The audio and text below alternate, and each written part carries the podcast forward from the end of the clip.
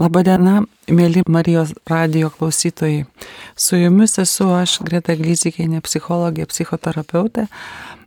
Mes praeitą kartą kalbėjome apie tai, kaip padėti savo esant netikčiai ir norėčiau šiandieną pratesti mūsų pokalbį apie tą visą sunkumą, kada mes prarandame savo artimą žmogų. Iš tikrųjų, netektis tai turbūt vienas iš šimčiausių atvejų išgėdėjimų, kada mums yra labai sunku išgyventi netekus artimo. Artėja Velykos, kuomet žmonės susirenka ne tik bažnyčioje, bet susirenka ir namuose prie stalo. Ir kai yra neseniai išėjęs artimas, jo vieta yra tuščia visada suspaudžia širdį ir mūsų graudina. Ir iš tikrųjų tada būna sunku, sunku susiturėti ir kad neridėtų ašaros. Kas vyksta, kai mes to netenkame? Atrodo, mūsų gyvenimas visas sustoja ir mums yra, kartais būna, kad net neturime tikslo dėl ko gyventi kai miršta artimas žmogus, mes užgneužiam savyje tą sunkumą, todėl mums būna labai sunku. Mes viską blokuojame, mums yra labai sunku keliauti pirmin. Kada mes gedime, mes tiesiog kiekvieną kartą prisimename, ką reiškia tas žmogus mūsų gyvenime, ką jis mums paliko. Kartais būna, kad palieka labai didelius gerus prisiminimus, o kartais labai palieka blogų daug prisiminimų, nes būname labai skaudinti, būname sužeisti. Jeigu mes nespėjame atsiprašyti savo šito artimo žmogaus, susitaikyti su juo, tai tada iškyla žmogui labai didelis kalties jausmas ir su tuo jam labai yra sunku gyventi. Todėl aš visuomet, kada bendrauju su žmonėmis, kada a, dirbu, aš dar dirbu ne tik klinikoje, bet dirbu ir hospise, ir kada aš ateinu pas ligonius į namus, aš visą laiką artimus raginu, būtinai kalbėkite, būtinai pasakykite visą tai, ką jūs dar norit pasakyti savo artimui, būtinai susitaikykite, kad paskui nebūtų tos kalties. Yra labai daug dalykų, kurių mes dar galime pasakyti savo artimui. Nes visuomet, kada mes jo netenkame, mes pagalvojame, kad va dar nespėjau tą pasakyti, nespėjau dar ano papasakot. Tai nėra taip paprasta. Ir visada liks kažkas nepasakyta, kažkas nepadaryta, bet tiesiog taip gyvenimas yra sukurtas, kad vieni ateina, kiti išeina daug pažįstu žmonių, kurie suprato, kad iš jų buvo atimtas gyvenimas, kai praranda savo žmogų, kuris jam paliko labai daug nuoskaudų. Todėl dažnai būna taip, kad žmonės, kurie gyveno, bet, pavyzdžiui, su tėvais bendravo, viską darė, stengiasi įtikti savo tėvams, nesipriešinti, daryti visą tai, ką jie norėjo. Ir kada tėvai išeina, vaikai supranta, kad vis dėlto jie gyveno ne savo gyvenimą. Ir tada būna toks ateina pa žmogų labai didžiulis pyktis. Bet iš tikrųjų mes turime tos dalykus stengti suprasti kuo anksčiau. Todėl visada paminiu, kad mes turime stengti susitaikyti su visu tuo, kas vyksta su mumis. Ir jeigu artimas dar yra šitam pasaulyje, nesvarbu, jisai galbūt ir serga ir turi tuos serga sunkia lyga, bet mes turim visuomet stengtis išsiaiškinti ir susitaikyti. Nes tas liūdėsis, kuris lieka mumise, jisai labai iš tikrųjų žmogų kaip asmenybę gali žlugdyti ateityje. Visada manęs klausė žmonės, ar teisingai elgesi, kada stengiasi kuo greičiau išvežti, sudeginti ir kad būtų urna.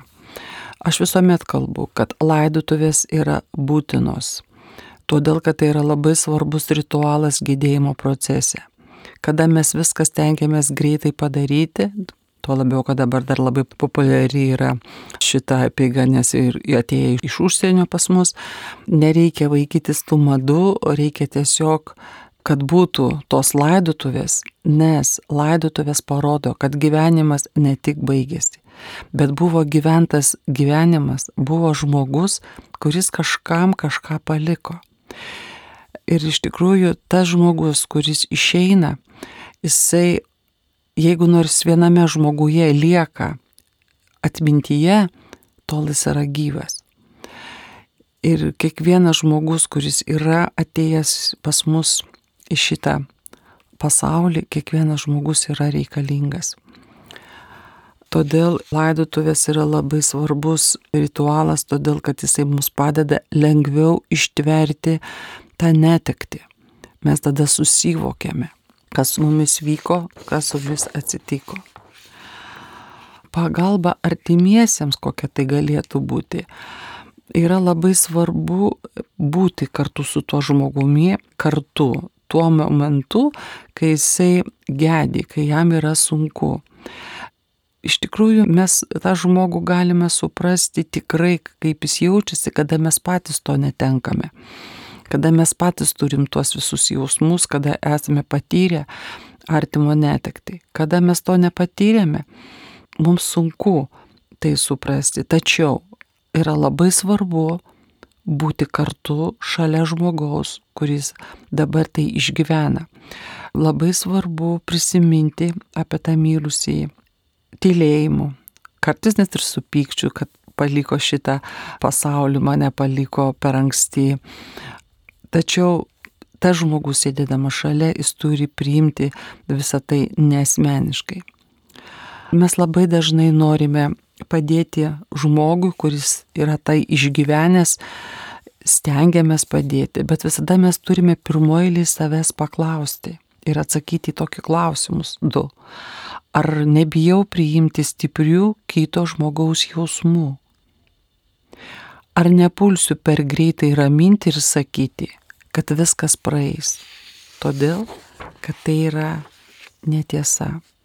Viskas greitai taip nepraeina.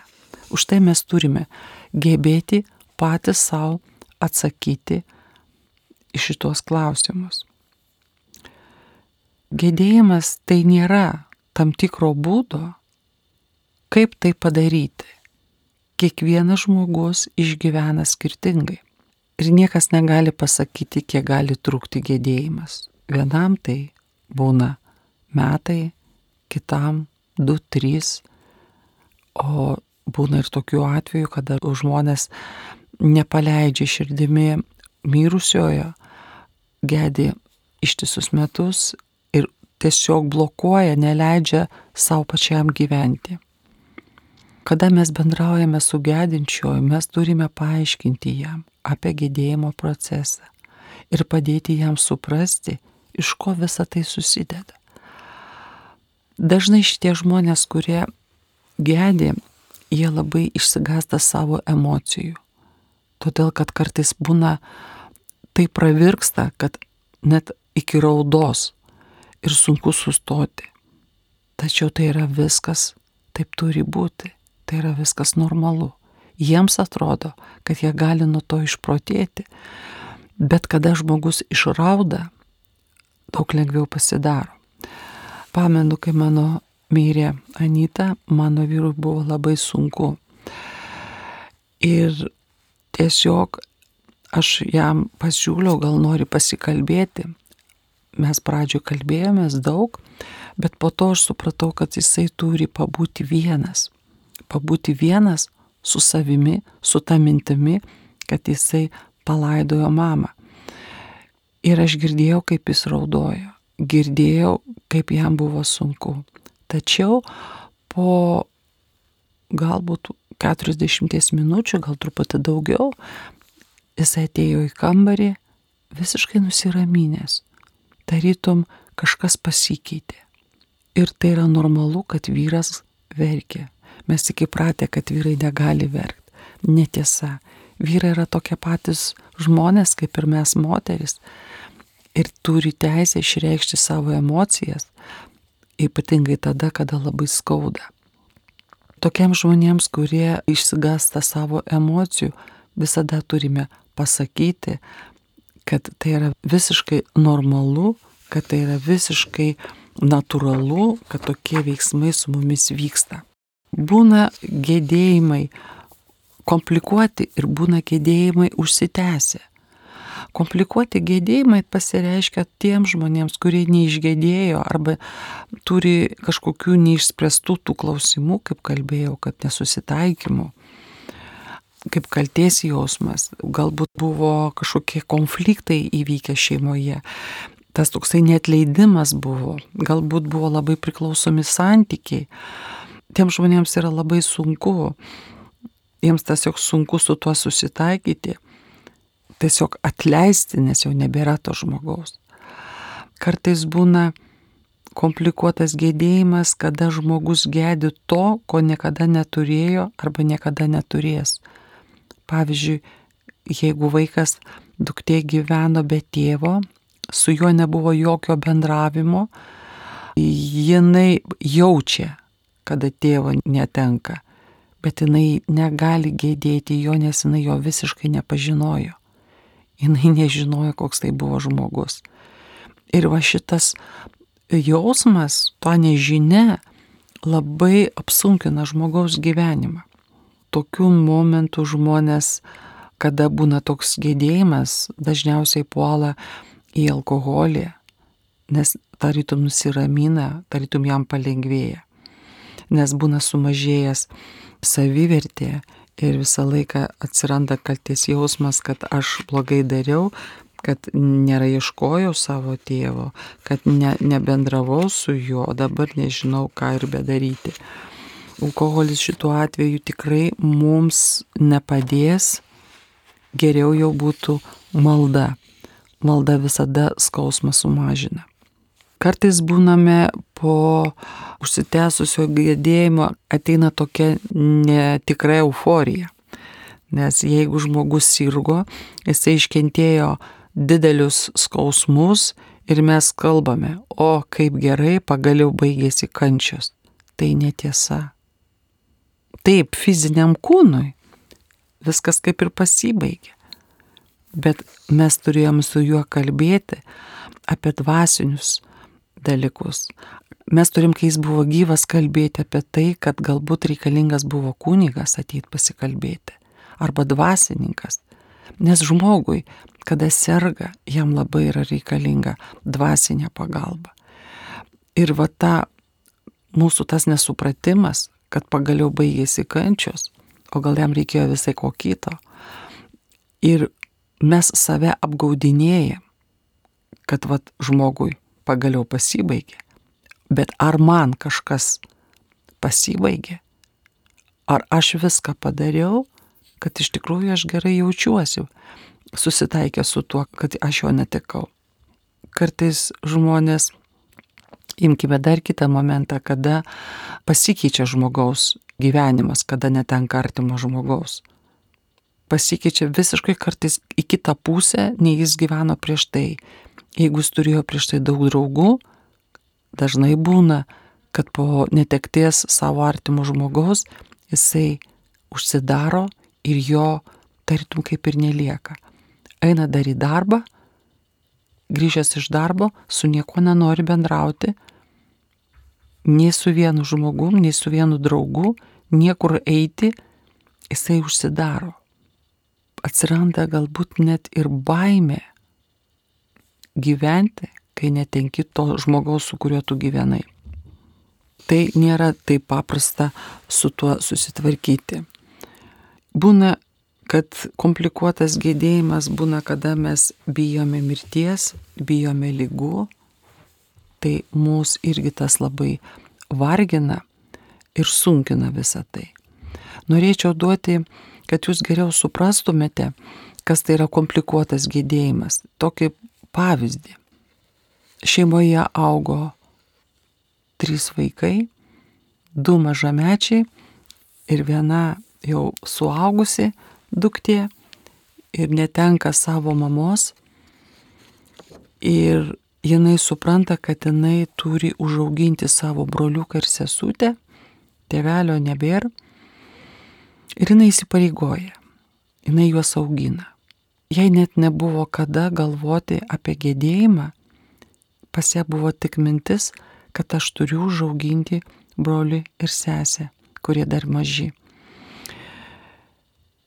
Ir viskas pas ją tarytum susistabdė.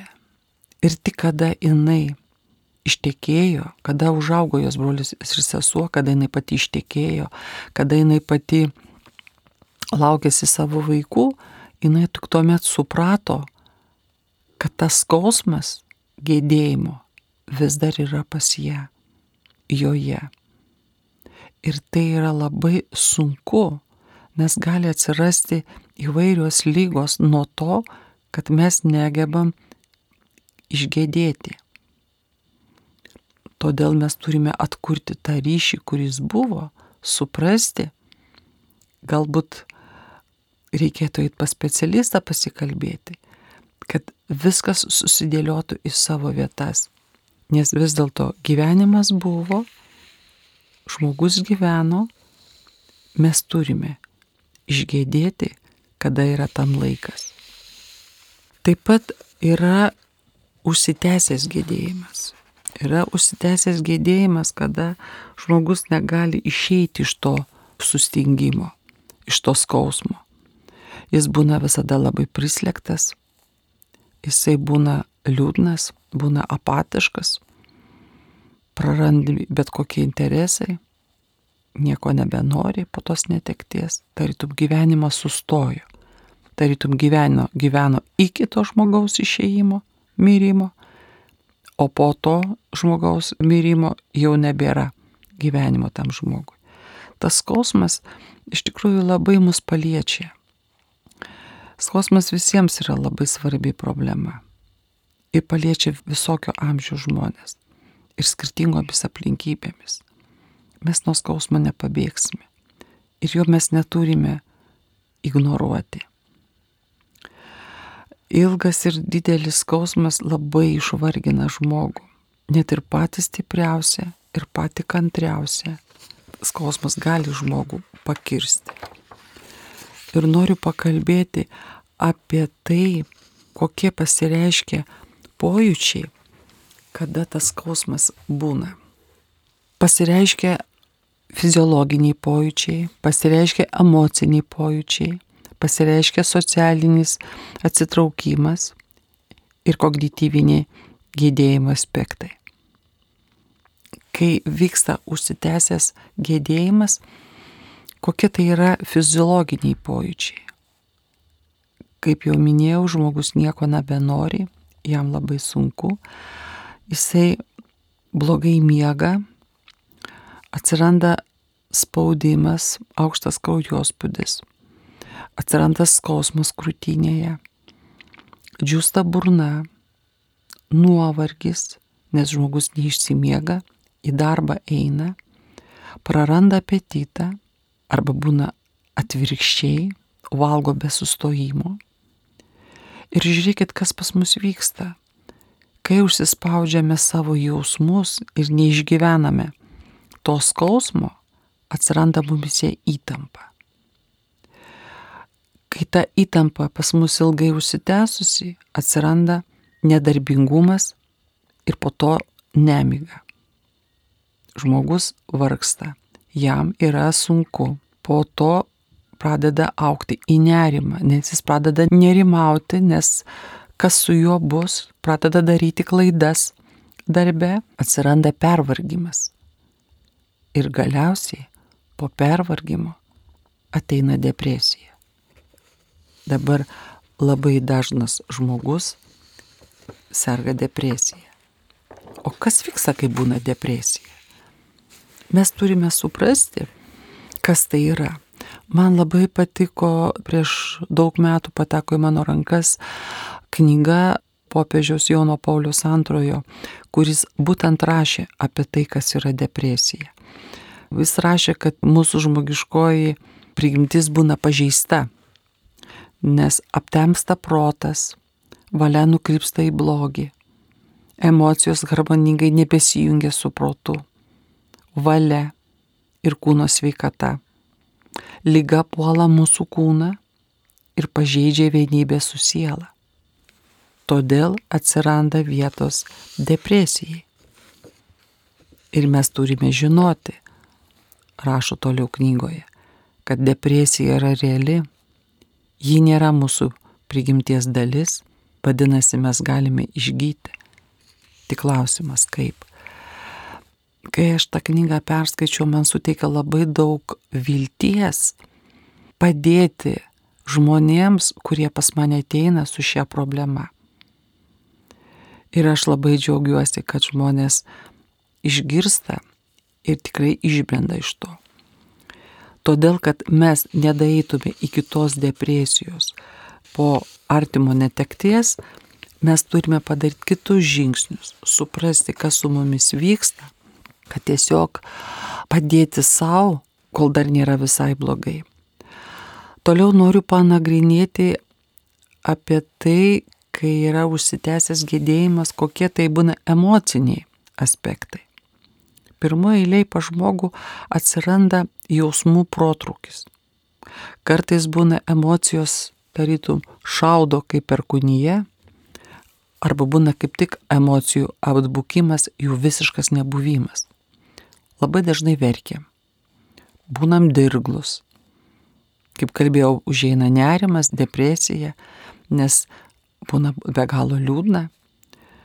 Atsiranda toks priešiškumas, arba per daug liūdime, arba būnam labai pikti.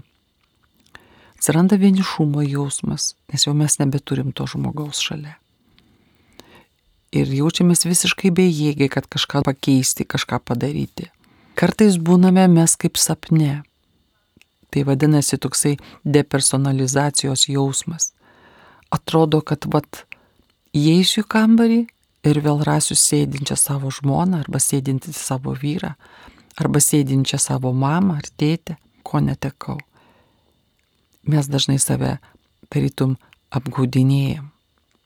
Ir vyksta tai ne šiaip savo, mes tai kartais taip elgiamės dėl to, kad atrodo, kad norėtume savo padėti o iš tiesų mes bėgam nuo tos tikrovės. Taip pat būna kognityviniai gedėjimo aspektai. Kas atsitinka su mumis, kai per daug viskas užsitėsi. Mes negalime sutelkti dėmesio. Atsiranda labai įkyrios mintis būtent apie tą mirusį. Gali būti gerų minčių, gali būti blogų minčių, bet jos būna tokios įkyrios, kad mums labai yra sunku su, su savim susitvarkyti. Kokį galėčiau duoti patarimą, kad su mintim tvarkytis? Pradžioje jūs tiesiog išmokite pasakyti savo stop. Stop, kas čia vyksta? Kas čia su manim darosi? Tas sustabdymas tikrai padės nors kelias minutės negalvoti apie tai, kad atsitrauktumėt nuo to sunkumo. Todėl, kad tos įkyrios mintis kur jūs veda? Jūs veda prie to, kad jūs padedat nuolatos galvoti apie mirusį. O šito mums tikrai nereikia. Mes turime išmokti suprasti, kas vyksta ir paleisti. Mes turime suprasti, kad tas jausmas, praradimo jausmas, jisai visada yra šalia. Mes turim juos tenktis neįsileisti savo vidų. Dažnai mes idealizuojame apie tai, kas buvo. Idealizuojame apie tai, kas bus. Ir vėl čia vyksta mūsų apgaudinėjimas savęs. Kodėl? Nes mes nenorime tikėti, kad su tuo žmogum tai įvyko. Ir dar vienas yra aspektas, tai yra socialinis atsitraukimas, kada mes mus būna užsitęsęs gėdėjimas. Ką tai reiškia? Tai reiškia, žmogus tampa vienišas, nors tikisi, kad visi kiti jį supras. Ir netiesa, jeigu sako žmonės, kad laikas gydo. Ne, laikas padeda užsimiršti, bet negydo. Mes turime pasakyti jam, kas vyksta. Būtinai turim išsakyti, ką mes norime tam žmogui pasakyti. O galbūt kaip tik nieko nereikia sakyti, tiesiog paimti už rankos arba pabūti šalia. Mes turime tą žmogų, kuris išgyvena gedėjimą, paskatinti, paprašyti pagalbos. Jeigu nenori kalbėti su draugais, paskatinkime, kad jis kalbėtųsi, eitų pas specialistus, pas psichologą, eitų pas kunigą. Arba tiesiog kažkokiam nepažįstamų tegul atsiveria ar tiesiog pasiemęs popieriaus lapą viską parašo, išrašo laišką, išventiliuoja, perskaito, ką parašė ir po to būtinai sunaikina. Kada vyksta va, tas procesas visas gėdėjimo, dažniausiai jis turi vykti ne vieną dieną. Pamenu, kai mano Anito sūnus žuvo su savo sūnumi, tai buvo, kaip sakyt, Anitos mylimiausias sūnus ir mylimiausias sanukas, jinai labai išgyveno, tai kol sūnus dar buvo komoje 20 dienų, mes labai daug kalbėjom, kiekvieną dieną. Pas mus yra tokia veranda, mes kiekvieną dieną eidavom, susisėsdavom ir šnekėdavom. Aš, mano vyras, Anita, jos sesuo ir mes kalbėjom apie tai, kas vyko. Kalbėjo visokiausius variantus, nes tai buvo avarija, kaip buvo galima išvengti viso šito kalbėjome apie tai, kas būtų buvę, jeigu būtų, kalbėjome apie tai, kas buvo gražaus pragyventa, ką jisai mus davė mūsų gyvenime. Kalbėjo ir apie tai, kas galėjo dar būti jo ateityje, nes tai buvo jaunas vyras ir septynių metų sunus. Turėti pirmą klasę, mes kalbėjom tas visas 20 dienų. Vyko ventiliavimas emocijų. Todėl, kad turim suprasti, mes negalime praryti tų emocijų, nes po to atsiras lygos visokios, psichosomatinės. Žmogus turi suprasti, kad jis turi ventiliuoti savo emocijas. Taip pat noriu pakalbėti apie tai, kad kartais po gedėjimo vyksta nekalbėjimo atvejais. Žmogus visai nenori apie tai kalbėti. Ir jis daro didelę klaidą. Kodėl? Todėl, kad jeigu mes nekalbam, nekalbėjimas mus tarytum užspaudžia visas emocijas, visus jausmus. Ir atsiranda pa žmogų lygos. Jeigu mes nekalbam, kaip aš sakau, mes praryjam tas emocijas ir ilgainiui atsiranda tos tokios piktos lygios, onkologinės lygos, nuo kurių iš tikrųjų labai yra sunku išeiti. Kai aš buvau vienoje paskaitoje, man labai patiko vienas atvejis, kuris labai gražiai atspindėjo būtent nekalbėjimo atvejį. Moteriškė, kada neteko kūdikėlio, jis gimė ir mirė, visa šeima stengiasi jį tą moterį apsaugoti, paėmė kūdikėlį, patys palaidojo ir jai jo net neparodė, kad jinai atsisveikintų ir nieko nekalbėjo apie tai, tarytum tai būtų uždrausta tema. Ta moteris labai ilgai išgyveno tą visą nekalbėjimą. Jinaigi suprato, kas su ją atsitiko, juk jinai ir pagimdė ir jinai žinojo, kad vaikelis mirė. Ir tik po penkerių metų vieną kartą jo su seserim susiginčio ir sesuo sako, tai kodėl tu nenueini ant kapelio pas savo vaikelį. Sako, nejaugi tu ten ir nenueisi ir neplankysi. Nes jinai, ta moteris, sunkiai labai išgyveno visą šitą netekti. Todėl, kad buvo ir skyryba su vyru. Ir jinai liko gyventi viena. O sesers paskatinimas, kad nueiti prie kapelio, jos gyvenimą labai pakeitė. Labai pasikeitė jos gyvenimas. Jis aišku raudojo, bet labai daug kas pasikeitė į gerą pusę, nes kalbėti reikia visą tai. Todėl, kad jeigu mes nekalbam, iš mūsų būna atimtas gyvenimas. Nes kai, jeigu būtų apie tai kalbėję, tai būtų iškalbėjimas gydo žmogų. Mes turime pripažinti, kas su mumis vyksta. Turim su tuo, kūdikėlio mama turėjo atsisveikinti, Tai yra tiesiog gyvenimas, tai yra tavo gyvenimo kelias, tai yra tavo procesas, kurį tau reikia visą tai praeiti. Ir yra labai svarbu kalbėtis apie tai, kas tau yra iš tikrųjų svarbu. Žmogus nuo tos įtampos, kada būna gėdėjimas, nuo tos emocinės ir psichinės įtampos jisai pavarksta. Jam atsiranda psichologinis nuovargis, per kurį jisai neišsimiega. Ir jeigu jis dar nekalba, tai žmogus gali susirgti visam gyvenimui. Būna tokių žmonių, kurie negali verkti. Kaip sako, nebeturiu ašarų, nebegaliu verkti. Tai vadinasi, turim suprasti, kad šitas žmogus išgyvena labai didelį skausmą. Apžvelgime dabar, kokie yra netekties sukelti sutrikimai. Pasireiškia liūdėsys, kaip jau mes tą suprantame. Jeigu kas nors atlieka kažkokią paslaugą tam žmogui, jam palengvėja. Kai jį užjaučia arba sėdi šalia, jam irgi būna geriau. Nes tai yra labai svarbu būti su tuo žmogum šalia. Pasireiškia pyktis, nes tas žmogus pyksta. Ir tai yra visiškai normalus jausmas nes jisai pyksta ant tos situacijos, kuri jį užklupo. Nes atsiranda bejėgiškumas, atsiranda kaltė, gyvenimo džiaugsmo bei prasmės praradimo jausmas atsiranda. Štai jis ir pyksta, tarytum gyvenimas visas sustoja tą akimirką. Išiškėja depresinė simptomatika, sustiprėja nerimas, baimės jausmas likti vienam, sutrinka miegas, darbinė veikla, būna panikos priepolis, kai užgula emocija ir kai su ją negali susitvarkyti. Viskas tavo yra krūtinėje, tarytum viskas būna suspausta kaip su replėmis. Nes su skausmu iš tikrųjų sunku gyventi. Už panikos priepalę stovi mirties baimė.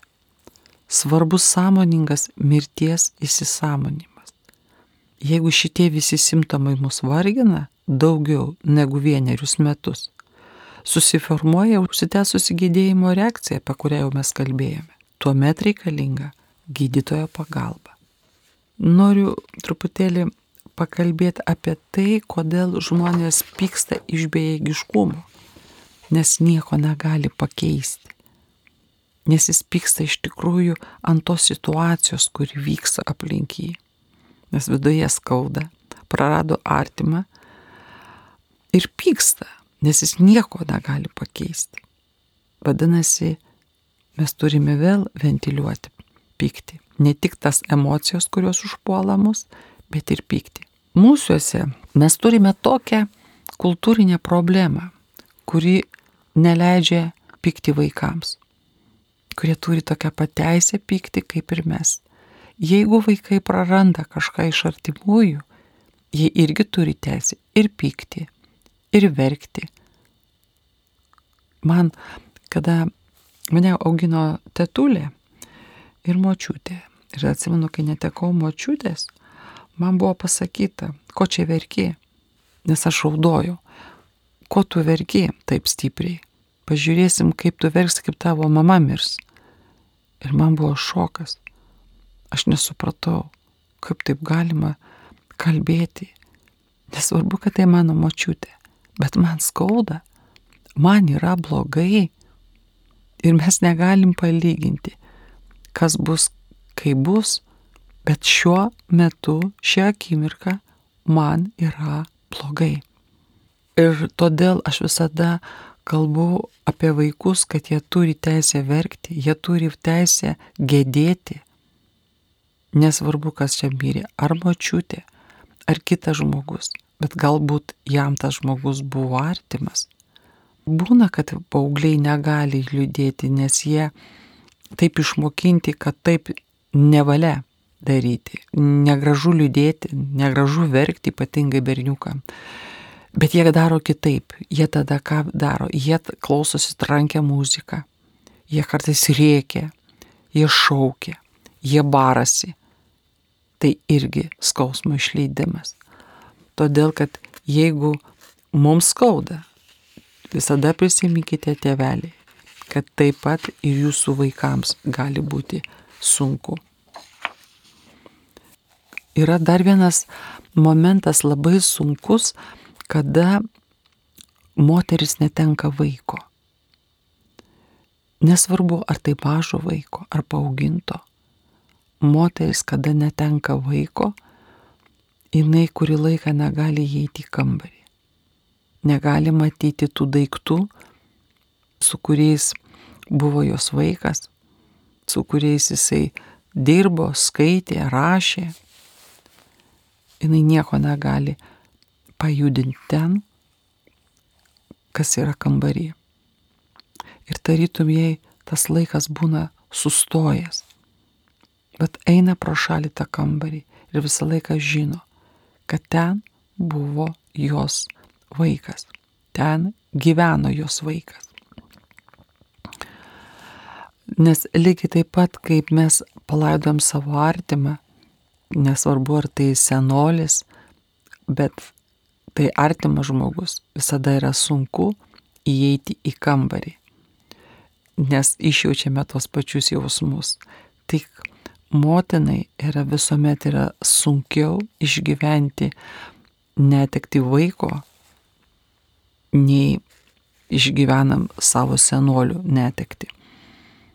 Už tai yra taip sakoma, kad didesnio skausmo, kaip motina laidoja vaiką, turbūt nėra.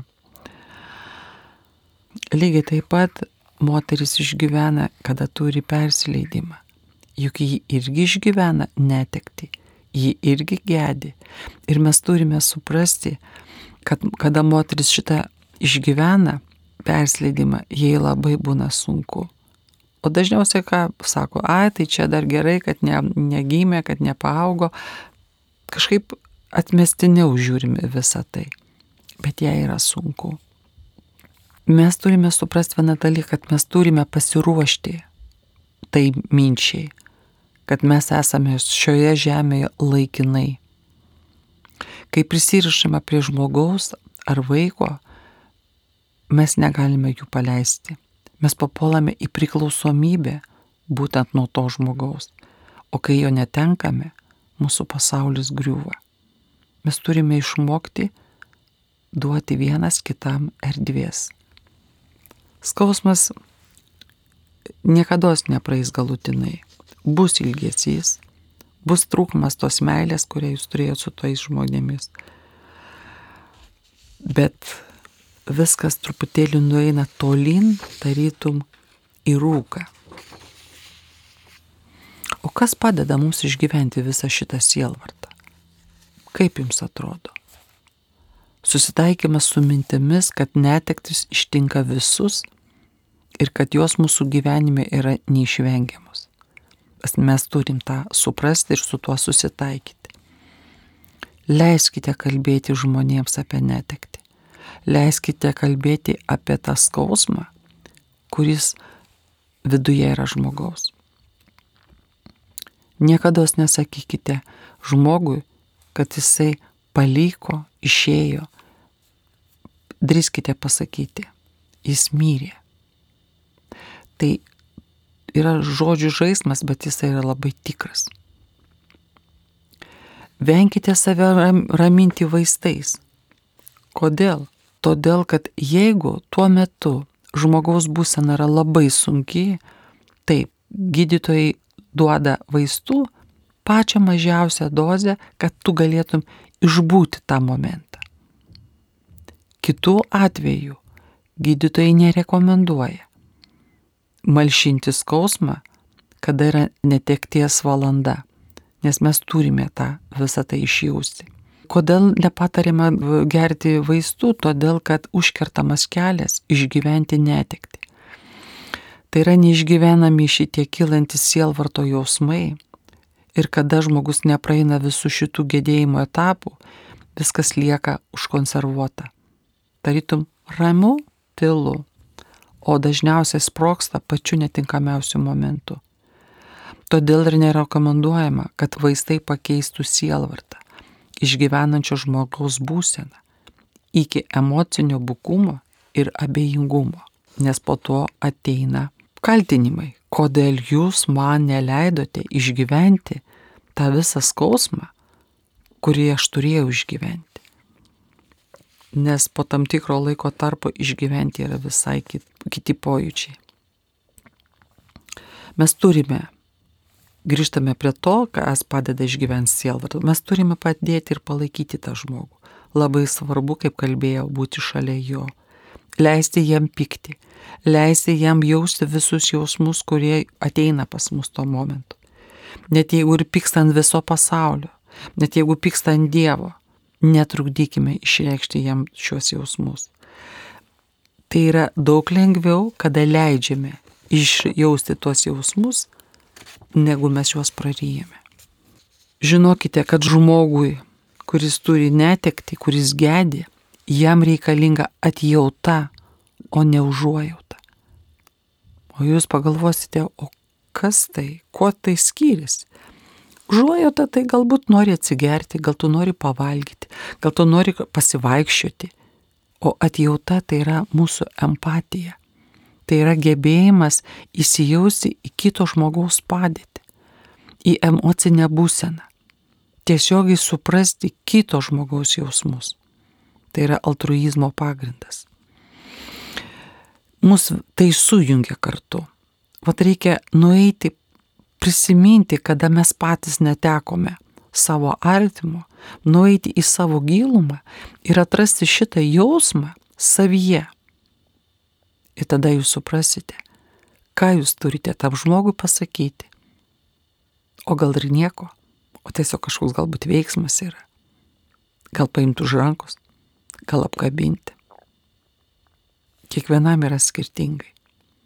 Bet žmogui visada jie reikalinga atjauta. Nes žmogus patyręs neteitį išgyvena didelį, didelį skausmą, kaip jau kalbėjau ne vieną kartą, ir jam yra sunku. Nes mintis visada yra apie tą brangų žmogų, todėl jam yra sunku. Aš jums minėjau, kad kalbėjau praeitą kartą apie tai, kad mes turim išgyventi tam tikrus etapus. Ir aš ten kalbėjau jums apie berots penkis išgyvenimo etapus. Tai yra neigimo etapas, buvo dėrėjimuose etapas, buvo etapas, pykčio etapas buvo, susitaikymo etapas buvo ir prieimimo. O šiandien aš jums norėčiau supažindinti su keturiomis gedėjimo užduotimis, tai yra pagal Vordens, kurį surašė labai įdomiai, kaip viskas vyksta su mumis tuo metu, kai mes patiriame gedėjimą. Pirmoji eilė Vordens kalba, kad mes turime priimti netekties realybę. Asmo gali neikti, asmo gali būti šokė, asmo gali netikėti, kas su juo vyksta, kad yra praradimas ir yra, kaip minėjau, neįgymas, taip, praeitą kartą. Bet tai yra visiškai normalu. Tam žmogui atrodo, kad mirties baigtinumas yra netikras, kad jam sunku suvokti, kas iš tikrųjų atsitiko. Mes turime realiai priimti, kad mirė artimas, kad viskas, jo nėra. Tai yra emocinis ir kognityvinis prisitaikymo procesas. Nėra žmogaus, buvo ir nėra. Antras žingsnis yra, mes turime išgyventi skausmą. Vadinasi, pradžioje mes turime realiai suvokti, kad mirė žmogus. Ir antras, tai mes turime išgyventi tą gėdėjimo skausmą. Išgyvenimas emocinis būna ir fizinis, jau kai mes apie tai kalbėjome. Žmonės, bandydami išvengti skausmo, gali svaigintis alkoholis arba gerti kaip vaistus. Ir mes suprantam, kodėl to nereikia daryti. Dažniausiai labai idealizuoja mirusi, už tai mes turim labai realiai į viską pažiūrėti. O kad pažiūrėti realiai, mes turime turėti šalia žmogų, kuris į viską realiau žiūri. Kada žmogus vengia sąmoningo gedėjimo, gali susirgti depresiją, fizinį lygą, gali pradėti elgtis labai neįprastai. Apie tai jau mes irgi kalbėjome. Labai svarbu, kad jis išreikštų savo kančią, tą skausmą, išreikštum pyktį. Už tai, kaip kalbėjau, kad mes neturime visą to slopinti. Tačiau mes neturime jam sakyti, kažką duoti, kažką padėti, kad jis jaustųsi geriau. To nereikia.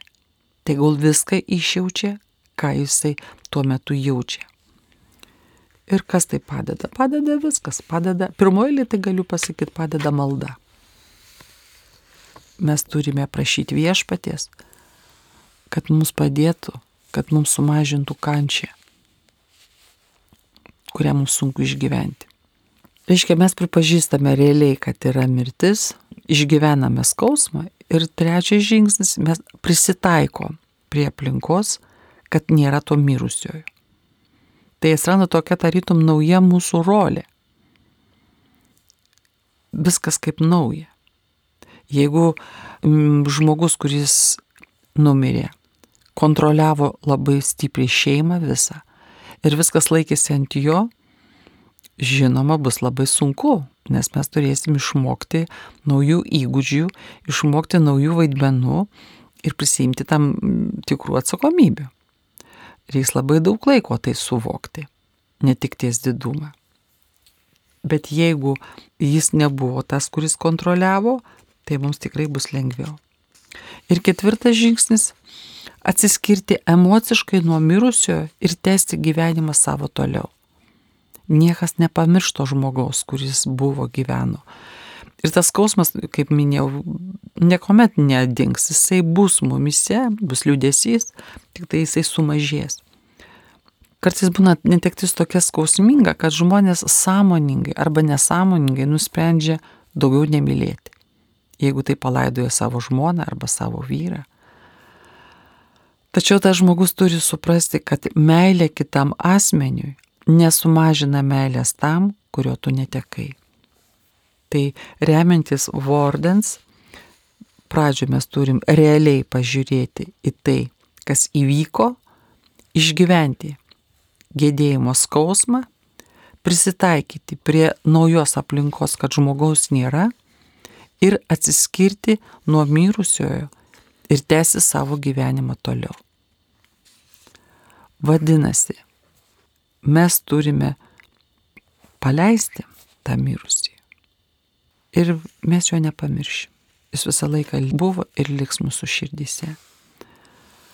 O skausmą padeda išgyventi, kai mes nukreipiame dėmesį į kažką kitą, ką mes mėgstame. Galbūt muzikos klausomės ramios, tylios, gal kalbamės.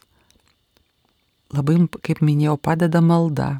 Tiesiog eikite pas specialistus, kalbėkit, bendraukit. Eikite pas kunigus, su draugais. Tiesiog atraskit būdą, kuris jums padeda, kad jums tai būtų gera. Ir visuomet mes turime suprasti, kad gyvenimas mums duoda dar vieną šansą, naują galimybę gyventi tolin, eiti į priekį. Mūsų niekas neapsaugos nuo skausmų. Tačiau mes turime suprasti, kad mes nesame vieni, kad mes esame kartu su viešpačiu. Ir turi būti tas pasitikėjimas. Tai tarsi nuvalo ir duoda mums malonę ir suteikia mums naują viltį.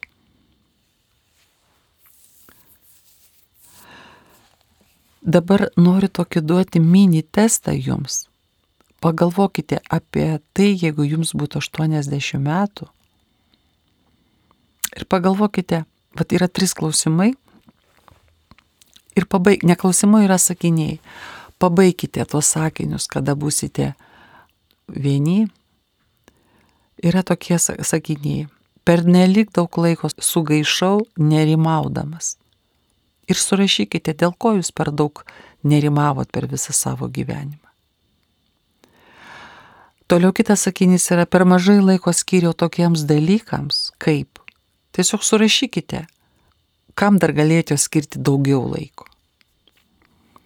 Ir jeigu galėčiau atsukti laiką, čia trečias sakinys, jeigu galėčiau atsukti laiką nuo šiandien, ką jūs pakeistumėte?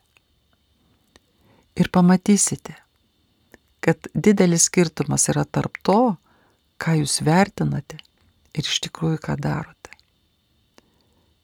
Dėkoju Jums, mėly Marijos radijos klausytojai, kad buvote kartu su manimi šią valandą. Nepamirškite, kad Dievas visada yra su mumis ir begalinis jo gailestingumas te paliečia mus. Pasitikėkime Dievu. Sudie.